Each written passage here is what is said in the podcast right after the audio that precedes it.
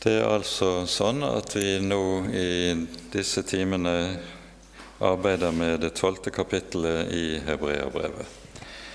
Og vi vil i dag ta til med avsnittet som begynner etter at Hebreabrevets forfatter har undervist om tuktens eh, rolle og betydning i det kristne liv. Men før vi leser, la oss be sammen.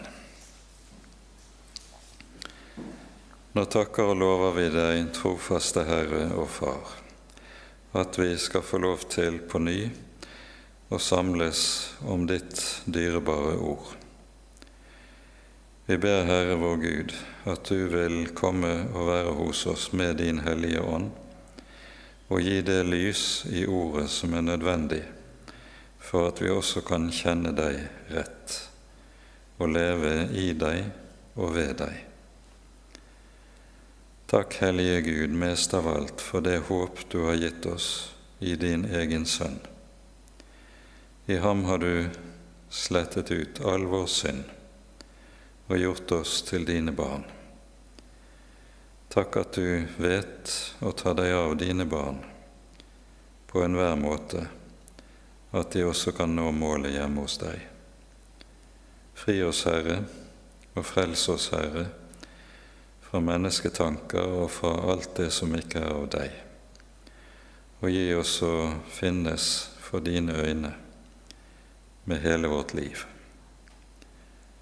Herre, kom med din Hellige Ånd og vær hos oss. Amen. Vi skal da ta for oss avsnittet som begynner med det tolvte verset i Hebreabrevets tolvte kapittel, og vi tar oss tid til å lese kapittelet helt ut, selv om vi kanskje ikke vil klare å komme gjennom hele dette kapittelet i løpet av kvelden. I Faderens, Sønnens og Den hellige ånds navn. Rett derfor opp de slappe hender og de svake knær. La deres føtter gå på rette veier, så det halte ikke vris av ledd, men heller helbredes.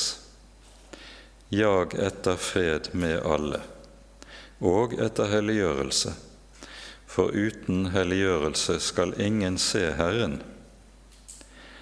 Se til at ikke noen forspiller Guds nåde La ingen bitter rot få vokse opp og volde skade, så mange blir smittet av den. Se til at ikke noen er utuktig eller verdslig som Esau, han som solgte sin førstefødselsrett for ett eneste måltid mat. Dere vet jo at da han senere ville arve velsignelsen, ble han avvist enda han søkte den med tårer, for han fant ikke rom for omvendelse.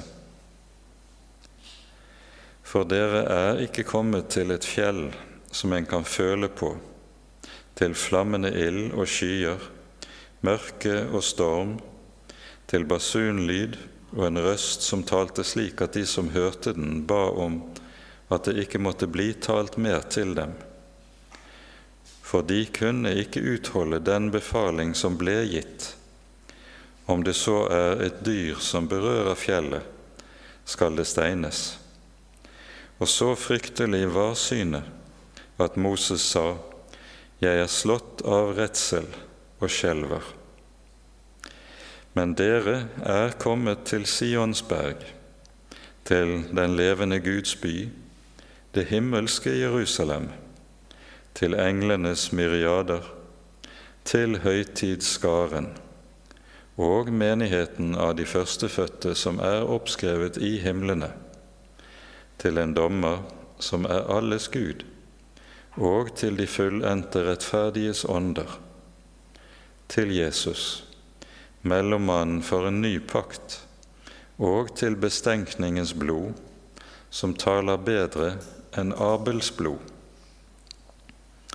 Se til at dere ikke avviser ham som taler. For unnslapp ikke de som avviste ham som talte på jorden, hvor meget mindre skal da vi unnslippe, om vi vender oss fra ham som taler fra himmelen? Hans røst rystet den gang jorden, men nå har han lovet og sagt enda en gang vil jeg ryste, ikke bare jorden, men også himmelen. Men dette ordet, enda en gang, gir til kjenne at de ting som rystes, skal tas bort. For de er jo skapte ting, og så skal det som ikke kan rokkes, bli stående. Da vi altså får et rike som ikke kan rystes, så la oss være takknemlige og derved tjene Gud til Hans behag med blygsel og ærefrykt. For vår Gud er en fortærende ild. Amen. Dette avsnittet er, kan grovt deles inn i tre hoveddeler. Først avsnittet fra vers 12 til 17, der vi hører en formaning som vi møter en rekke steder ellers i hebreerbrevet. Formaningen om å ta seg i vare for frafallets fare. Dernest kommer avsnittet fra vers 18 til 24, der det tegnes opp for oss den veldige og avgjørende forskjell det er mellom den gamle og den nye pakt. Og så til slutt vender fra vers 25 vendes det tilbake igjen til advarselen og formaningen til å ikke snares inn i frafallet. Så dette er grovt sett eh, måten avsnittet kan deles inn på.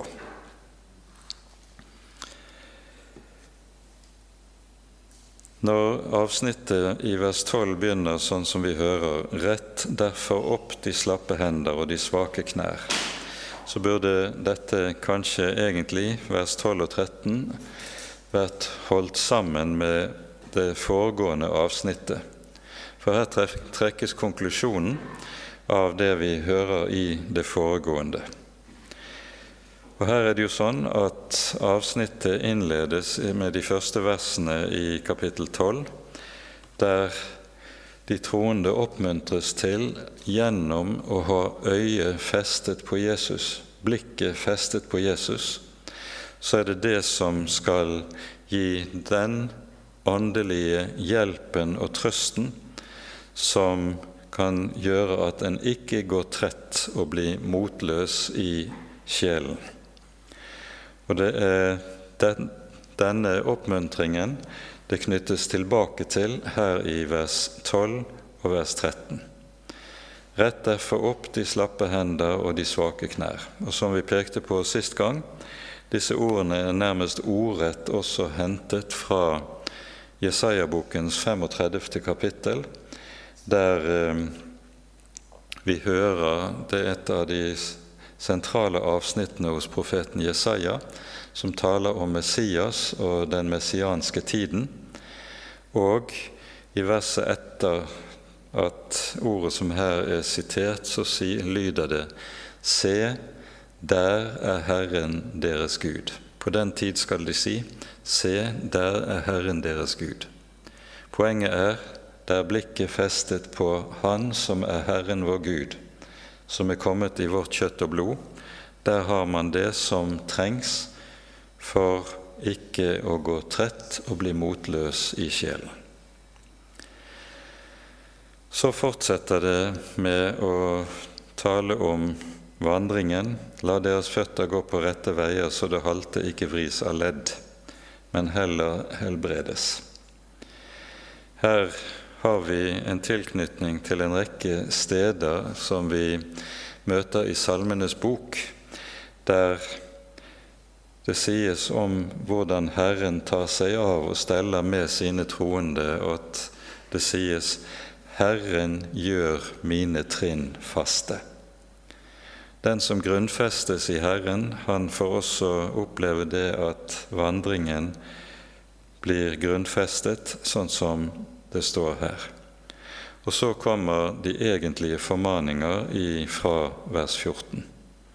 Jag etter fred med alle og etter helliggjørelse.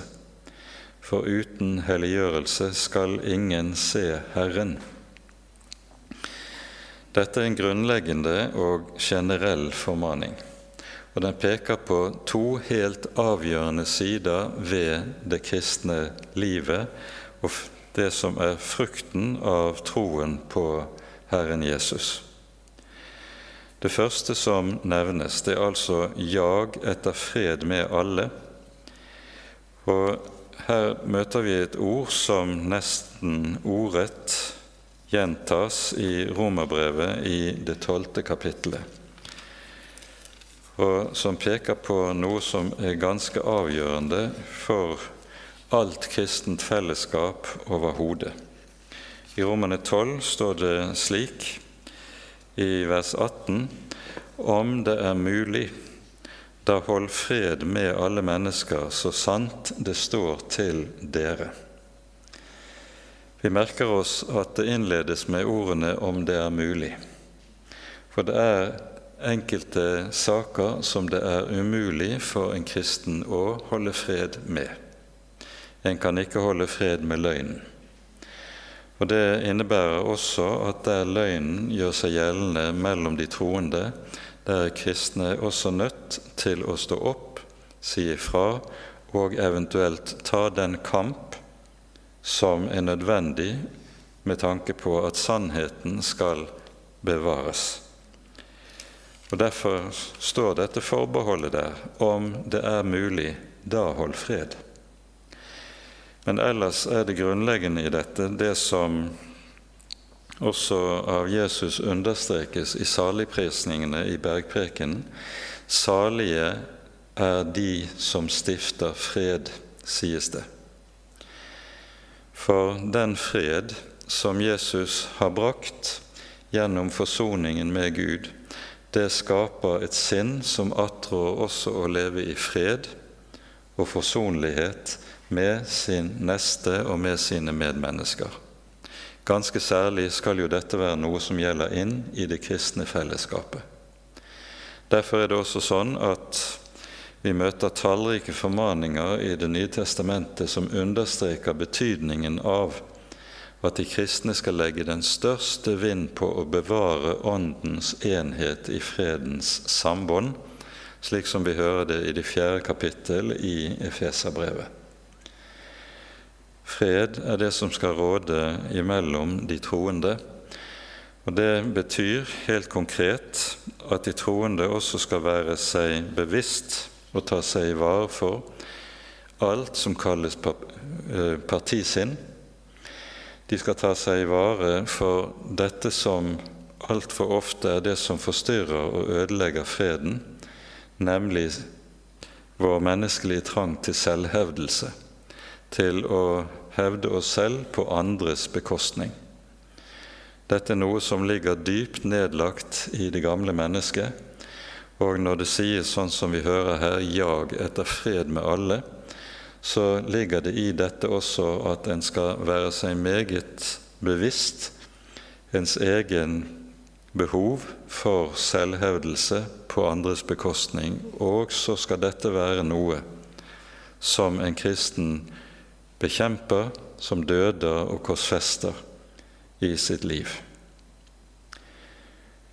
Og så kommer fortsettelsen og etter helliggjørelse. Og dette som vi har med fredens sinnelag, det er en grunnleggende del også av det som kalles for helliggjørelse.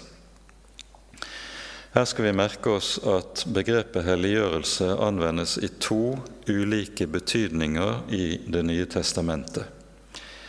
Den første betydningen er den som vi møter allerede i, tidligere, i det tiende kapittelet, der vi hører ifra vers 10 i kapittel 10 ved denne vilje, altså ved Guds vilje når Han har utsendt sin Sønn, er vi blitt helliget ved at Jesu Kristi legeme ble ofret én gang for alle. Det er den første betydningen, helligelse eller helliggjørelse.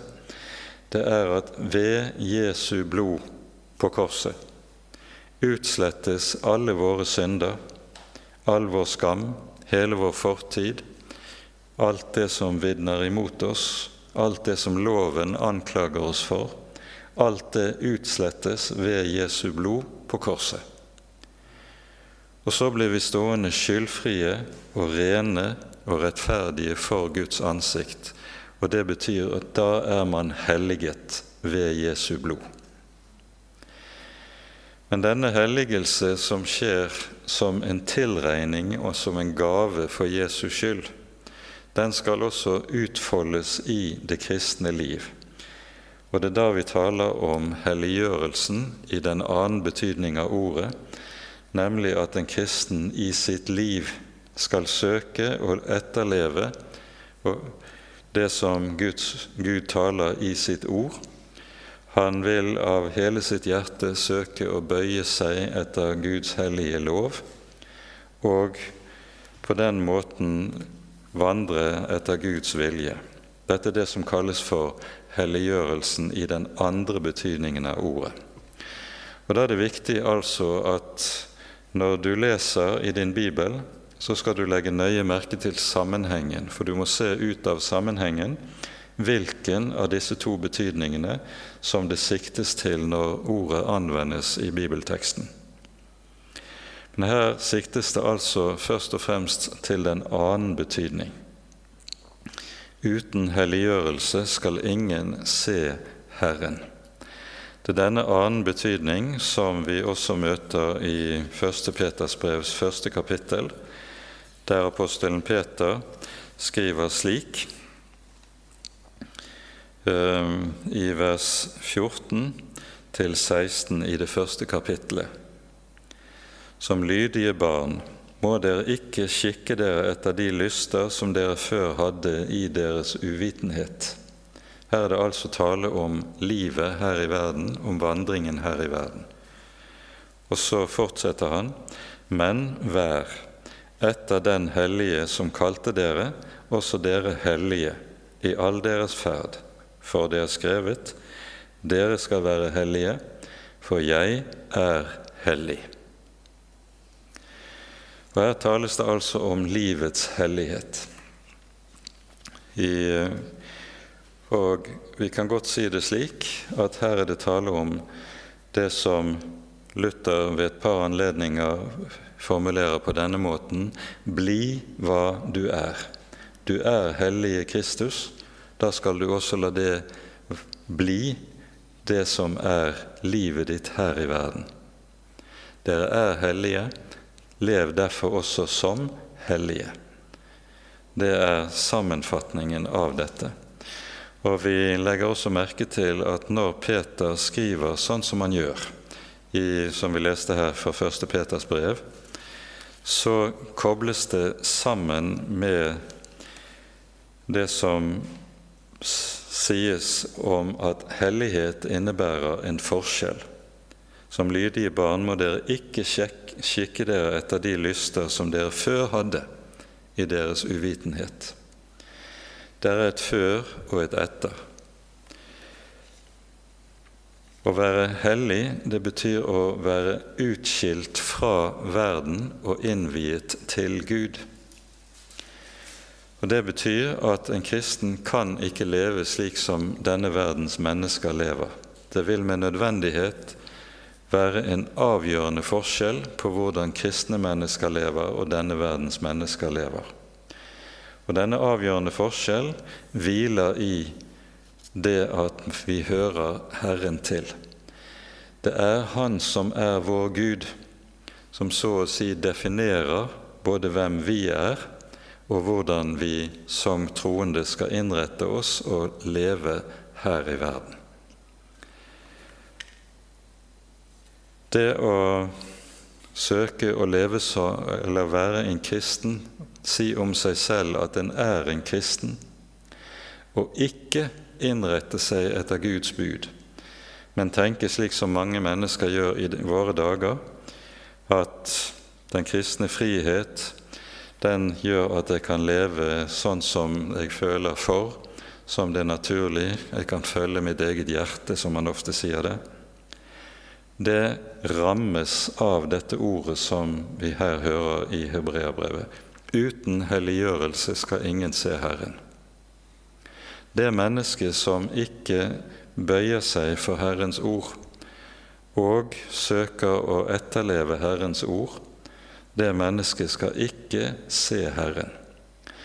Og det er dette, den slags levnet og den slags vandring som rammes av Jesu lignelse f.eks. i Matteusevangeliets 25. kapittel, der du hører lignelsen om brudepikene. Alle de ti brudepikene ventet på Herren.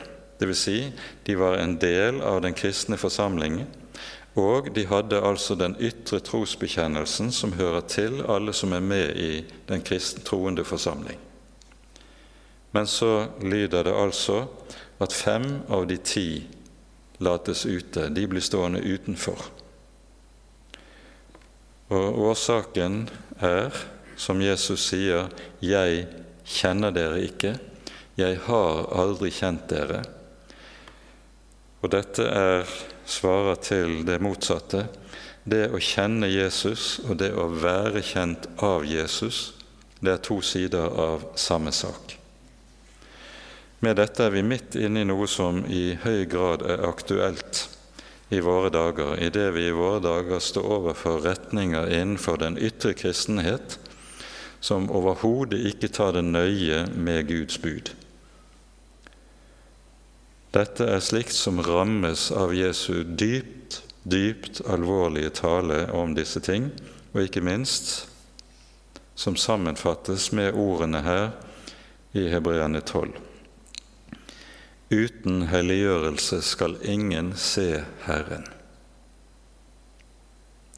Så fortsetter teksten med å si:" Se til at ikke noen forspiller Guds nåde. La ingen bitter rot få vokse opp og volde skade så mange smittes av den. Her er det slik at ordene 'se til at ikke noen forspiller Guds nåde' det skulle kanskje etterfølges av et kolon. For i det som kommer i fortsettelsen, det er en utleggelse av hva som menes med å forspille Guds nåde. Først siteres ordene fra 5. Mosebok, kapittel 29, om en bitter rot. I den umiddelbare sammenhengen i 5. Mosebok 29 siktes det til det at enkeltpersoner i Guds folk gir rom for avgudsdyrkelsen og gjennom omgang med sine folkefeller, sin familie, sine naboer, eh, smitter dem med dette, slik at den avgudsdyrkelse og den synd som de har gitt seg hen i, kommer til å få en smitteeffekt. Dette er det farlige men dette har jo en videre betydning enn å sikte kun til avgudsdyrkelsen sin smittefare. Men det gjelder i egentlig forstand all åpenbar synd som tillates og tolereres i den kristne menighet.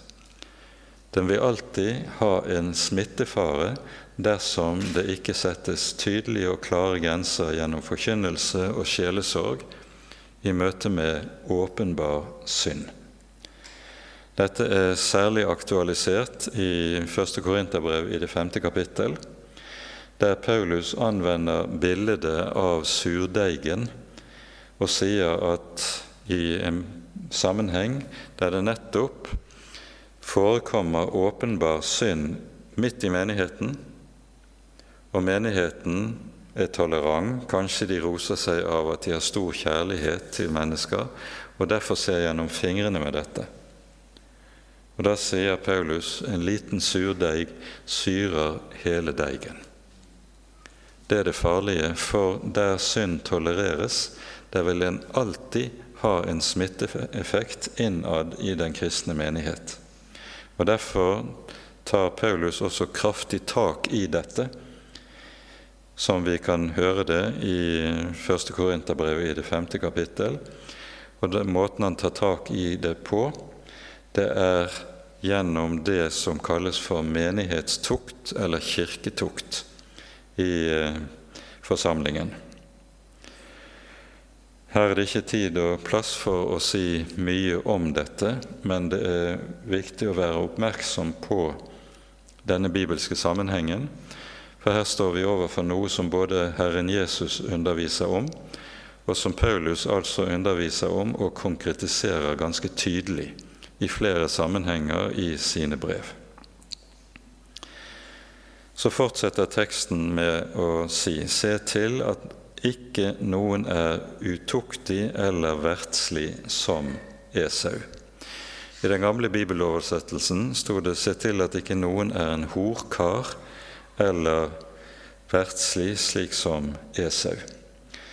Ordet som er oversatt med 'utuktig' eller 'horkar', det er et ord på grunnteksten som har med, med Vi har som låneord i begrepet pornografi, porneo, det betegner all synd mot det sjette bud, som vi kan se var særdeles utbredt i datidens gresk-romerske kultur. Når det her vises til Esau, så har dette antagelig med fortellingen om Jakob og Esau som vi møter den i Første Mosebok.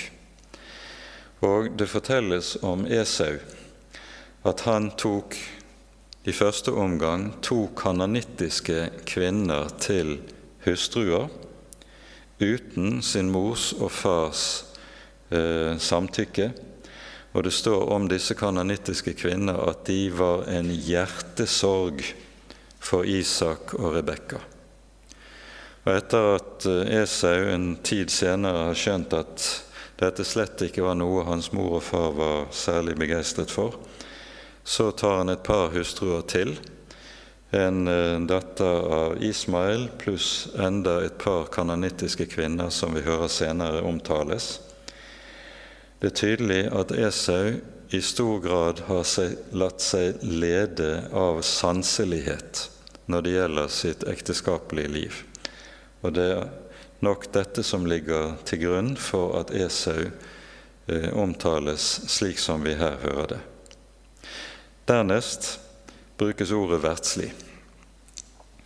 Og Det det da sikter til, er dette at etter at Esau, som vi hører det i kapittel 25 i Første Mosebok, hadde vært på jakt, og kommer han tilbake fra jakten og er totalt utmattet Eh, etter jakten og finner sin bror Jakob som sitter og koker en linsesuppe.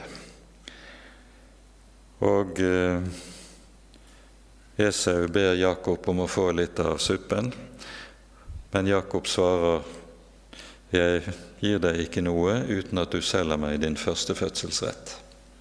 Og så er det at Esau da selger Jakob førstefødselsretten. Det er jo ikke akkurat noe særlig hyggelig forhold mellom disse to brødrene som avsløres gjennom det som sies her. Men det sies om Esau i denne sammenhengen at således foraktet Esau sin første fødselsrett. Han var jo den som var kommet først av de to tvillingene. Han hadde derfor også førstefødselsretten. Og I det gamle Israel innebar førstefødselsretten slik hvis det var to brødre, så skulle arven deles i tre, på en sånn måte at den førstefødte fikk to deler, og den neste fikk én del. Den førstefødte skulle altså ha dobbelt del. Det er denne rett som Esau eh, trekker på skuldrene av. Det betyr svært lite for han, han bryr seg ikke. Og dette anvendes som bilde på dette at kristne mennesker kan selge sin førstefødselsrett hos Gud gjennom å søke å vinne goder her i verden. Her er det Jesu ord i Matteus 16 kommer til anvendelse. hva gagner det et menneske om han vinner den hele verden, men tar skade på sin sjel? Så føyes det til, som dere vil huske av fortellingen fra Første Mosebok, dere vet jo at da han senere ville arve velsignelsen, altså når han søker å få Isaks velsignelse, slik som vi leser i Første Mosebok 27, så velsignes Jakob i stedet for Esau. Og når Esau gråter og vil gjerne ha velsignelsen, så er det for sent.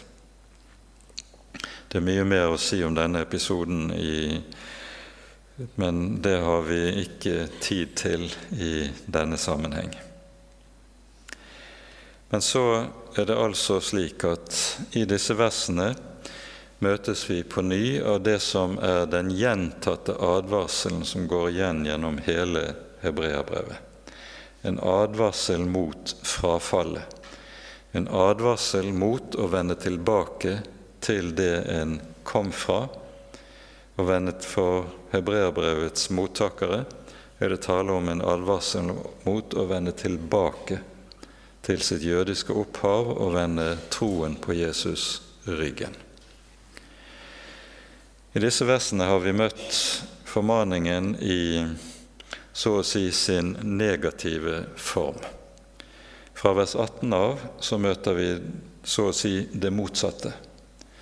For her settes det så ord på hvor meget større og herligere den nye pakt er enn den gamle pakt. Og Derfor er det ikke slik at ved å vende tilbake til sin gamle jødiske tro, vender de tilbake til noe som er bedre. Tvert om. Ved troen på Jesus har disse fått del i noe som er langt større, langt rikere, langt herligere enn det som var tilfellet i den gamle pakt. Og så møter du altså en sammenligning mellom den gamle pakt og den nye pakt. Og Sammenligningen tar utgangspunkt i det som skjer ved Sinai, og som vi hører om i 2. Moseboks 19. og 20. kapittel, der Herren åpenbarer loven. Dere er ikke kommet til et fjell en kan føle på, til flammende ild, skyer, mørke og storm, til basunlyd og en røst som talte slik at de som hørte den, ba om at det ikke måtte bli talt mer til dem. For de kunne ikke utholde den befaling som ble gitt, om det så er et dyr som berører fjellet, skal det steines. Og så fryktelig var synet at Moses sa, Jeg er slått av redsel og skjelver. Poenget med det som tegnes for oss her, det er hva loven og det å være under loven faktisk betyr. Når du hører det sies i vers 20 Eh, det siktes det til dette at Israels folk fylles med den dypeste frykt og redsel i møte med Herren som åpenbarer seg i loven. Og Her skal vi være klar over sammenhengen i bibelteksten. Fordi det jo er slik at når vi leser annen Mosebok i sammenheng, så møter vi to ting. Og dette er det samme som så å si er tema for beretningen om hele Israels ørkenvandring, slik som vi hører det i Mosebøkene. For det første er det tale om Guds store nåde og trofasthet mot folket, og for det andre folkets troløshet mot denne trofaste Gud. Vi hører gang på gang hvordan folket knurrer mot Gud, knurrer mot Moses osv. Tenk bare på etter at Israel har gått gjennom Det røde hav. Slik vi leser i kapittel 14, så hører vi den store lovsangen i kapittel 15. Og Så begir folket seg på vandring ut i ørkenen, og så går det tre dager, og så mangler de vann. Hva skjer da?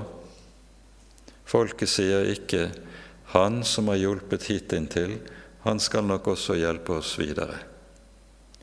Det gjør de ikke. I stedet knurrer de mot Moses, knurrer mot Herren og sier Gud har bedratt oss, Gud har lurt oss når han har fått oss ut i ørkenen slik.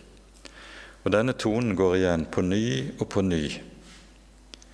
Herren svarer stadig enda i disse kapitlene på folkets knurr og motstand med å vise nåde, langmodighet, bære over med dem og sørge for alt det de trenger. Og så kommer de til Sinai. Og her åpenbarer Gud sin hellige lov. Og det vi skal vite, det er jo at loven er åpenbaringen av Guds hellighet. Og hva er folkets reaksjon når Herren slik åpenbarer sin lov? Det som skjer på Sinai, er jo noe helt enestående. Det har aldri skjedd verken før eller senere i verdenshistorien at den levende Gud har trådt ned, og et helt folk kan høre Guds egen røst tale, sånn som det lød ved Sina. Det har aldri skjedd, verken før eller siden. Sånn at Sinai-begivenheten er noe absolutt enestående i frelseshistorien. Og Det understrekes også når Moses repeterer dette i 5. Mosebok. Det kan du lese om i det fjerde kapittelet i 5. Mosebok. Men folkets reaksjon er jo at de fylles med frykt. Og så sier de til Moses i det 20. kapittelet i vers 18.: Vi kan ikke lenger høre på denne røst, for da må vi dø. Tal du med oss, så skal vi lyde. Hva er det loven åpenbarer? Loven åpenbarer at folket trenger en mellommann dersom de skal ha med Gud å gjøre. Og nettopp dette, behovet for en mellommann, er det som lyder fra folkets eh, når, etter at loven er gitt. Hvorfor er det slik? Jo, fordi saken er den at intet menneske kan stå eller kan bestå i møte med den levende Gud, i møte med den hellige Gud. Intet menneske kan bestå i møte med ham uten en midler, uten en mellommann. Og det er det loven åpenbarer, for uten en mellommann må folket nettopp dø, slik som de selv sier og bekjenner, som vi hører det i 2. Mosebok kapittel 20. Dette peker på noe som en avgjørende forskjell på den nye pakt, som nettopp forkynner mellommannen.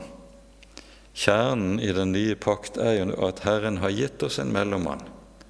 Og i kraft av mellommannen så får Guds folk alt det som tegnes opp for oss fra vers 22 til 24. Men før vi går inn i det, så skal vi bare peke på to andre avsnitt i Det nye testamentet som viser oss hvor avgjørende forskjellen mellom den gamle og den nye pakt er. Det ene avsnittet finner vi hos Paulus i 2. Korinterbrevs tredje kapittel. Her i det tredje kapittel i 2. Mosebok taler Paulus om nei, 2. Korinterbrev, unnskyld, taler Paulus om forskjellen på den gamle og den nye pakt, i det den gamle pakt bærer med seg lovens gjerning, mens den nye pakt bærer med seg evangeliet som kommer i kraft av Den hellige ånd. Og hva er forskjellen på disse to? Begge to, sier Paulus, har en herlighet, for begge gitt av Gud. Loven er gitt av Gud, har derfor den aller største herlighet, og det er denne herlighet som åpenbares ved Sinai. Men evangeliet, sier Paulus, har en langt, langt større herlighet.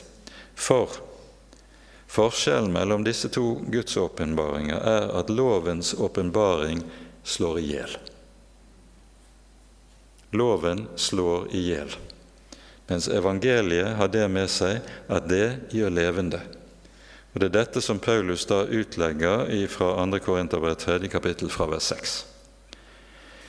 Dette er forskjellen mellom det gamle og nye pakt. Under loven lever mennesket under den lovens tjeneste som døder. I den nye pakt lever en under evangeliet, og evangeliet gjør levende. Og så er det altså denne dødens tjeneste som loven har, som Paulus utlegger, og som viser hvorledes Paulus meget nøyaktig har forstått hva som er poenget med lovåpenbaringen i 2. Eh, Mosebok 19 og 20. Tal du med oss, sier de til Moses, for denne veldige røst kan vi ikke høre på, da må vi dø. Loven døder. Og så trenger folket en mellommann. Det er poenget. Den andre teksten som taler om denne forskjellen mellom den gamle og den nye pakt, finner vi i Galaterbrevet i det fjerde kapittel. Her brukes det et annet bilde, nemlig bildet som har med forskjellen på Abrahams to sønner, Ismael og Isak. Her er poenget det at disse to Abrahams sønner de er bilder på forskjellen på den gamle og den nye pakt. Og For at vi skal forstå dette riktig, så må vi huske hva det er som utspinner seg i historien om Abraham. Abraham kalles av Herren, slik vi leser det i Første Mosebok 12, når han er 75 år gammel. Da bort fra ditt land og fra ditt folk og din fars hus til det land jeg vil vise deg. Og jeg vil velsigne deg og gjøre din ett stor, og i deg skal alle jordens slekter velsignes. Men Abraham og Sara er barnløse. Så bryter Abraham opp, drar til det lovede land, kommer til landet og vandrer om i landet fra nord til sør. Årene går. Og Abraham ser ikke det aller ringeste tegn til at Herren vil oppfylle løftet om at han skal få en sønn. For forutsetningen for at han skal bli stamfar til en slekt så tallrik som sanden ved havets bredd, forutsetningen for at dette skal gå i oppfyllelse, er jo nettopp at han får en sønn, og som så kan avle etterkommere. Når Abraham er 85 år gammel, så tenker Sara hvis vi ikke gjør noe selv nå, så blir det for sent. Da kan ikke Guds løfter oppfylles.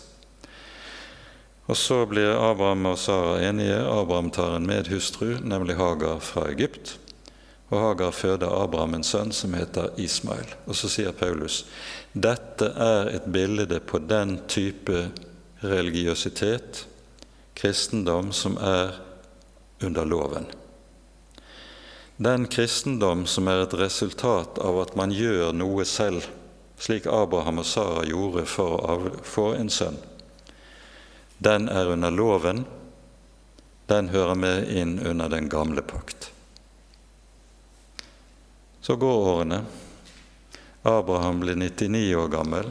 Da kommer Herren til ham og sier på denne tid neste år skal Sara ha en sønn. Men da er det for sent. Da er Abraham fysisk ute av stand til å avle barn. Sara hadde det ikke lenger på kvinners vis, slik det står i Skriften. Begge to er, kommet, er så gamle at det er fysisk umulig for dem å få barn.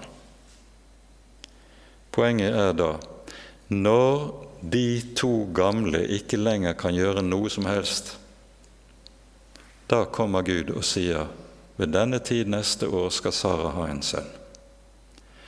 Derfor er Isak en frukt av noe Herren har gjort, mens Ismael er en frukt av noe Abraham har gjort. Og Disse to er altså bilder på to slags kristendom. Det er en kristendom som er et resultat av at du gjør noe selv. Det er under loven, og det er ikke kristendom i ordets egentlige forstand. Og så er det en annen slags kristendom som en frukt av at Gud har gjort noe fordi det var umulig for deg og meg, for umulig for mennesker, Gud føder på ny ved sitt løfte. Og det er her første gang det lyder i Skriften For Gud er ingenting umulig. For mennesker er det ikke mulig, men for Gud er intet umulig. Og Dette er også et bilde på forskjellen mellom den gamle og den nye pakt. Den gamle under loven, som krever 'du må gjøre noe selv'. Evangeliet som sier alt det som skal gjøres som er nødvendig til frelse, det har Gud gjort, nemlig i sin sønn. Dette er det andre avsnittet, og i dette avsnittet hos Paulus i Galatane 4 er det vi også møter et uttrykk som tas opp her i Hebreane 12, sånn som vi hører det. Der sies det i vers 25 og 26 i Galatane 4 Hagar er bildet på berget Sinai i Arabia og svarer til det Jerusalem som nå er, for det er i trelldom med sine barn. Men det Jerusalem som er der oppe, det er fritt det er vår mor. Og det er dette, det nye Jerusalem, det himmelske Jerusalem, som det altså er tale om i Hebreabrevet i det tolvte kapittel, og som de som er frelst i kraft av Jesu blod, er blitt borgere av, innbyggere av. Og Da vender vi med dette tilbake til Hebreerne 12 og leser fra vers 22. Men, sies det, i motsetning til det som gjelder for Israel under den gamle pakt, sies det, men dere, i motsetning, men dere er kommet til Sions berg, til den levende Guds by, det himmelske Jerusalem, til englenes myriader, til høytidsskaren og menigheten av de førstefødte, som er oppskrevet i himlene, til en dommer som er alles Gud, til de fullendte rettferdiges ånder og til Jesus, mellommannen for en ny pakt og til bestenkningens blod, som taler bedre enn Abels blod. Her hører vi Sions berg kalles den levende Guds by, og det kalles også det himmelske Jerusalem. Navnet Sion det var navn på ett av de fire bergknauser, eller eh, fjellknauser, som Jerusalem var bygget på. Det betyr bokstavelig eh, betegner noe som er helt tørt, og det er et par av disse høydene som var fullstendig tørre. Men dette kom til å bli navn på hele byen, eh, slik som vi leser det i en rekke sammenhenger i, eh, i Skriften, ikke minst, også i Det gamle testamentet. Og Det som hebreerbrevets forfatter her viser til, er en rekke tekster, profetier i Det gamle testamentet, som taler om hvordan både jøder og hedninger skal komme til å ha sin hjemstavnsrett og borgerrett i det nye eller det himmelske Jerusalem. Og Vi skal vise til et par slike tekster. Hos Jesaja har vi profetien i det andre kapittel som taler om hvorledes folkeslagene sammen skal dra opp til Herrens by, Jerusalem. Og Her er det tale om å dra opp ikke i bokstavelig forstand til det geografiske Jerusalem, men i åndelig forstand. Her sies det i Jesaja 2 fra vers 2.: Det skal skje de siste dager. Da skal fjellet der Herrens hus står, være grunnfestet på toppen av fjellene og høyt hevet over alle høyder, og alle hedningefolk skal strømme til det. Rent fysisk så var Jerusalem en fjellområde, lå i et fjellområde som ikke var spesielt høyt. Men her er det tale om at Jerusalem skal opphøyes høyt over alle høyder og alle fjell ja, høyere skal det være enn Mount Everest. Det er tale om det himmelske Jerusalem her. Mange folkeslag skal gå av sted og si, Kom, la oss gå opp til Herrens berg, til Jakobs Guds hus, så Han kan lære oss sine veier, og vi vandre på Hans stier. For fra Sion skal lov utgå, og Herrens ord fra Jerusalem. Sammen med dette hører en særlig salme i Salmenes bok, nemlig Salme 87. Det er en kort salme men som nettopp taler om Sion og løftet knyttet til Sion. Den er bare syv vers, og vi tar oss tid til å lese disse syv versene. Den by han har grunnfestet, står på de hellige fjell. Herren elsker Sions porter fremfor alle Jakobs boliger. Herlige ting er sagt om deg, du Guds by, Sela. Jeg nevner Rahab og Babel blant dem som kjenner meg. Se, Filisterland og Tyrus sammen med Etiopia, denne er født der. Og om Sion skal det bli sagt, hver og en er født der, og han, den høyeste, gjør det fast. Herren skal telle når folkene blir oppskrevet, og si, denne er født der og de som synger og spiller på fløyte, skal si:" Alle mine kilder er i deg. Her hører vi altså, og dette er en av profetiene i Det gamle testamentet om den nye fødsel eller om gjenfødelsen. Her sies det altså om hedningefolkene de skal ikke bare få adopsjonsrett, men de skal få fødselsrett i Herrens stad, Jerusalem, på Sion filistere, tyriere, etiopere. Om dem skal det sies de er født der. Og så skal Herren selv føre manntall. Folkene skal oppskrives, og det skal sies om dem de er født der. Igjennom troen på Jesus fødes et menneske på ny, får ført sitt navn inn i livets bok og får borgerrett og hjemstandsrett i Herrens by, i det himmelske Jerusalem. Det er det denne salmen handler om.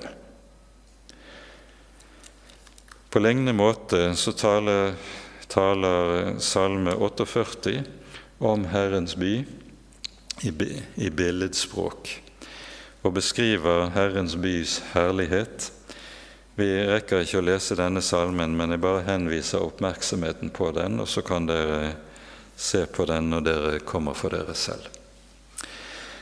Og det er dette som teksten her i Hebreabrevet altså har som grunnlag i Det gamle testamentet når det taler om dette.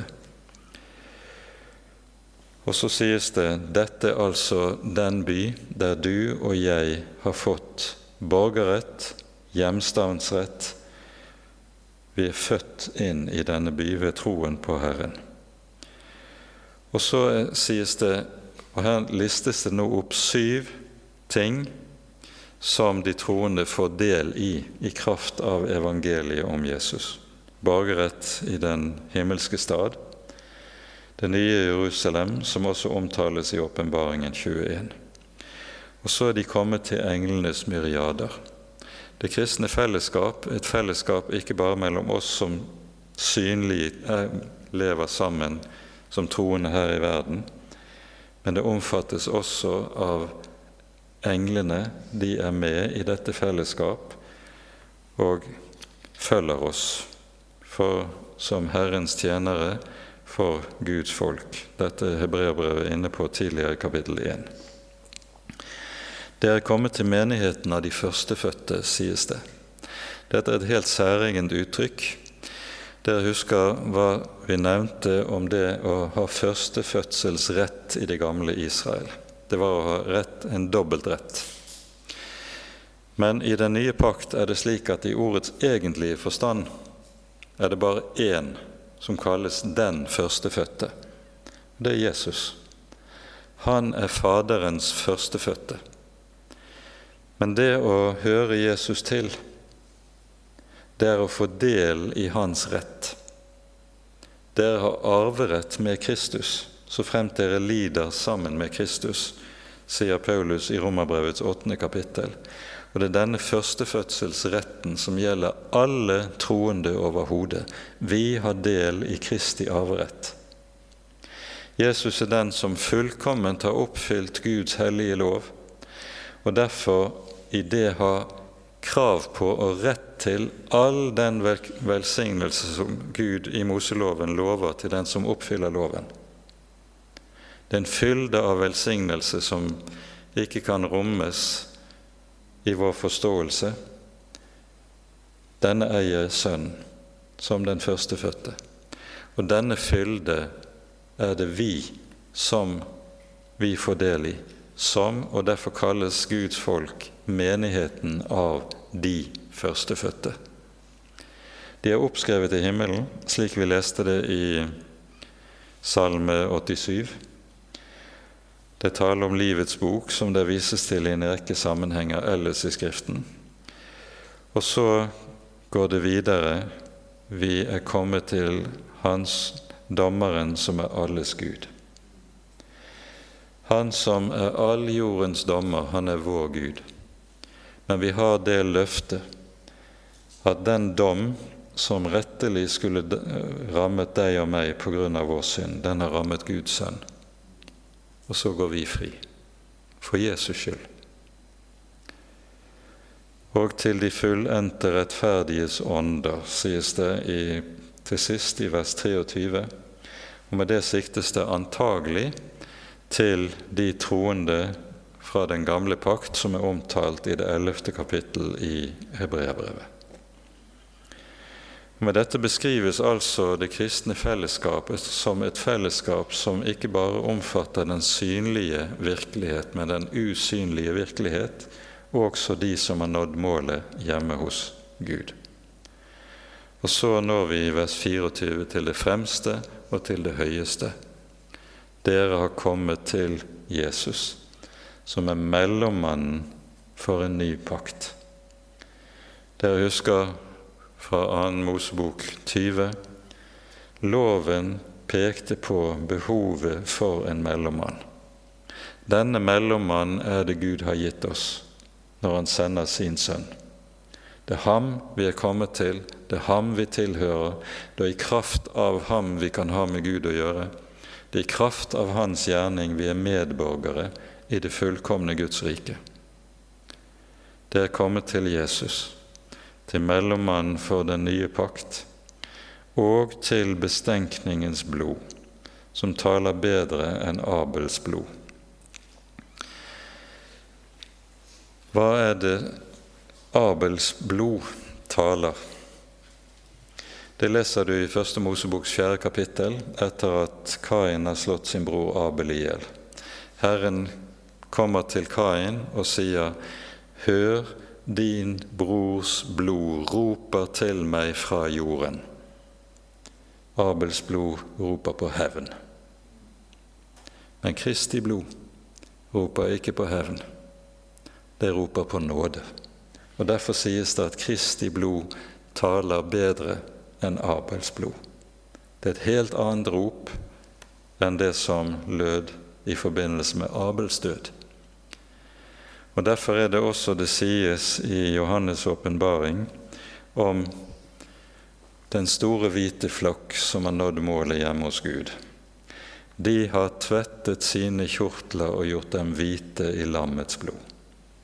Det er lammets blod som bærer i seg soningens kraft.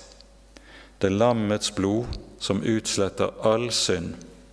Det er lammets blod som slukker all Guds vrede over din og min synd.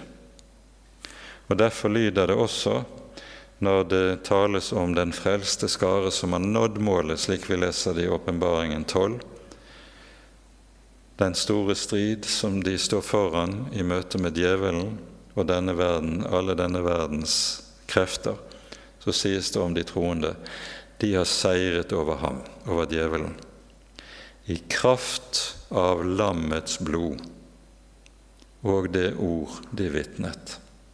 For de hadde et ord, et ord som vitnet om Jesus. Og det er dette ordet og det er dette blodet som bærer i seg seieren over synden, døden og djevelen. Dette er noe av det som disse versene setter ord på for oss. Og nå ser jeg på klokken at vi rekker ikke mer i kveld. Så med, med dette må vi sette punktum for kveldens bibeltime. Ære være Faderen og Sønnen og Den hellige ånd, som var og er og være skal, en sann Gud, høylovet i evighet. Amen. Da finner vi frem i salmeboken